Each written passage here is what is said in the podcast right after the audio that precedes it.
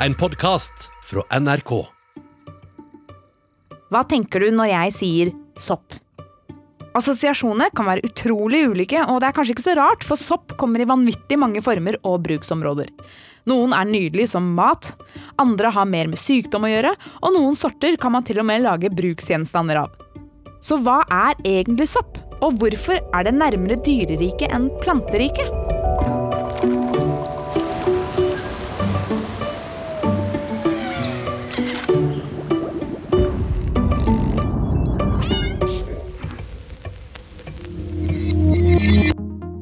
Og velkommen skal du være til en ny episode av Smartere på ti minutter, der jeg, Selda, forteller deg om fakta, vitenskap, historie og andre morsomme temaer som gjør deg nettopp det litt smartere på inntil ti minutter. Denne episoden tenkte jeg å kickstarte med en skikkelig godbit av en fun fact.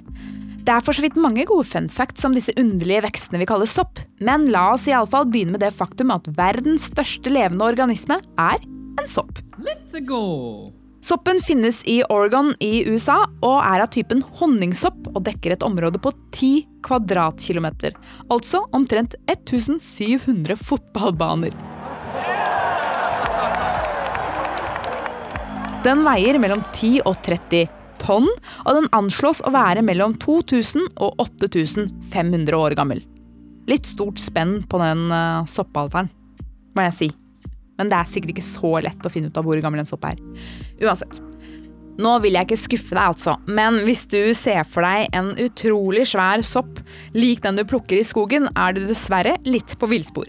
For soppen vi spiser og plukker opp, er nemlig soppens fruktlegeme.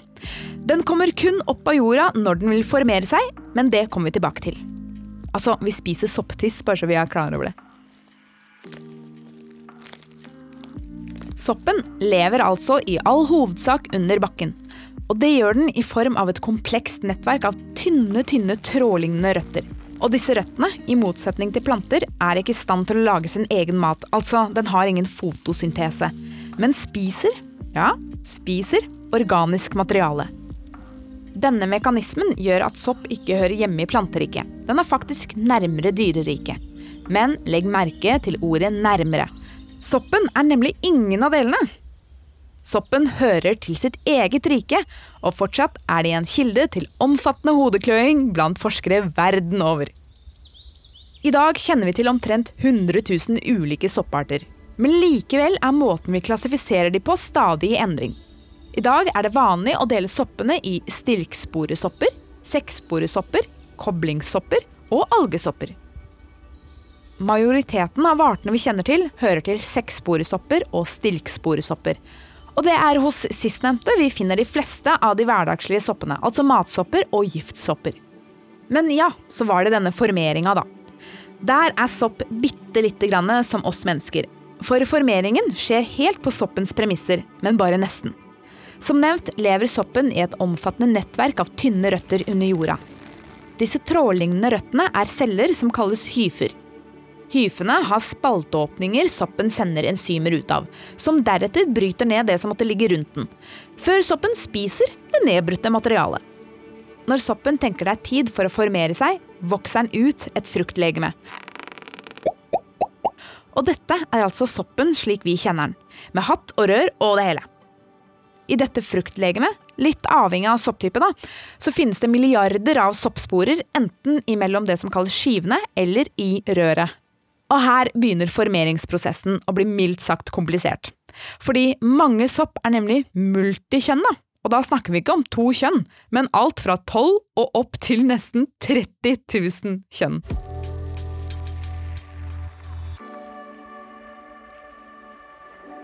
Hva betyr egentlig det, tenker du kanskje? I praksis så betyr dette at når soppen skal formere seg, så må en av deres sporer først finne en annen spore av samme kjønn. Altså, Allerede her er jo sannsynligheten utrolig liten for at sporene skal finne en match. Men dersom den gjør det, så er bare halve jobben gjort. Eller halve tilfeldighetene har falt på plass, kan du si. For så fort to har funnet hverandre, så må disse to finne et annet par av et annet kjønn som også har funnet hverandre, før formeringen av en fullverdig sopp kan ta plass. Så dersom konseptet kjærlighet eller sex var inne i bildet, så kan du se at soppsporer har ganske så liberale holdninger.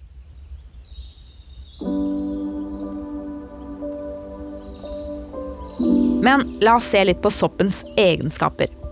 Foruten matsoppen og giftsopper som fluesopp, har sopp en mengde andre faktiske og teoretiske egenskaper. Et velkjent fenomen er jo sopp som rusmiddel. Det spekuleres f.eks. i at berserkerne i vikingtida fikk sitt krigerske raseri fra fluesoppen.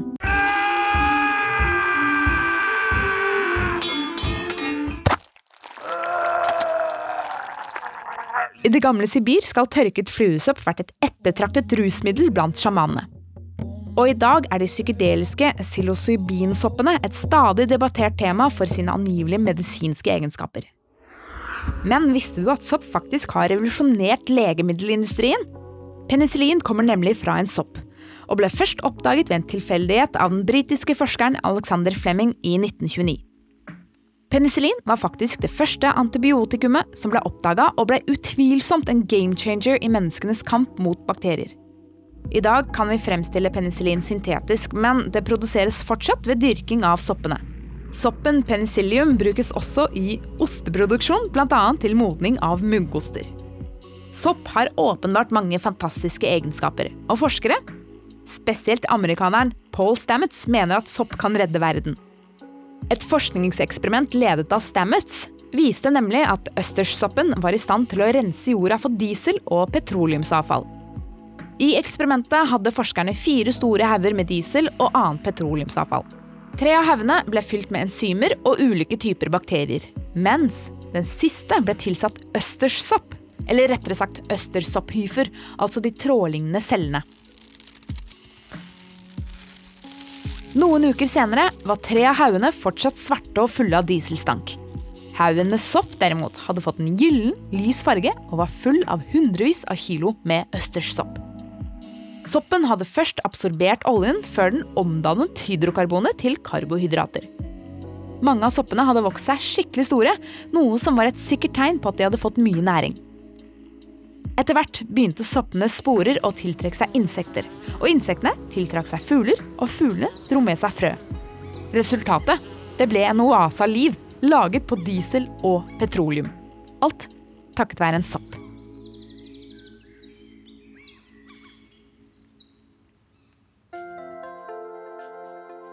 Så hvis jeg skal oppsummere verdens største levende organisme er en sopp. Mange av dem er multikjønna med opptil 30 000 kjønn, og soppen reddet oss fra livsfarlige sykdommer ved hjelp av penicillin. Og kanskje er det soppen som skal definere vår framtidige eksistens. Om den ikke skal definere framtida, så har den på sett og vis definert hvor vi kommer fra. Sopp var nemlig den første levende organismen på landjorda. Mange hundre millioner år før plantene. Og da asteroiden kom for 65 millioner år siden, utslettet alt liv og fylte atmosfæren med så mye støv at sollyset forsvant, så var det soppen som overlevde. Så kommer vi da alle fra sopp? Det er noe å tenke på til neste gang vi høres.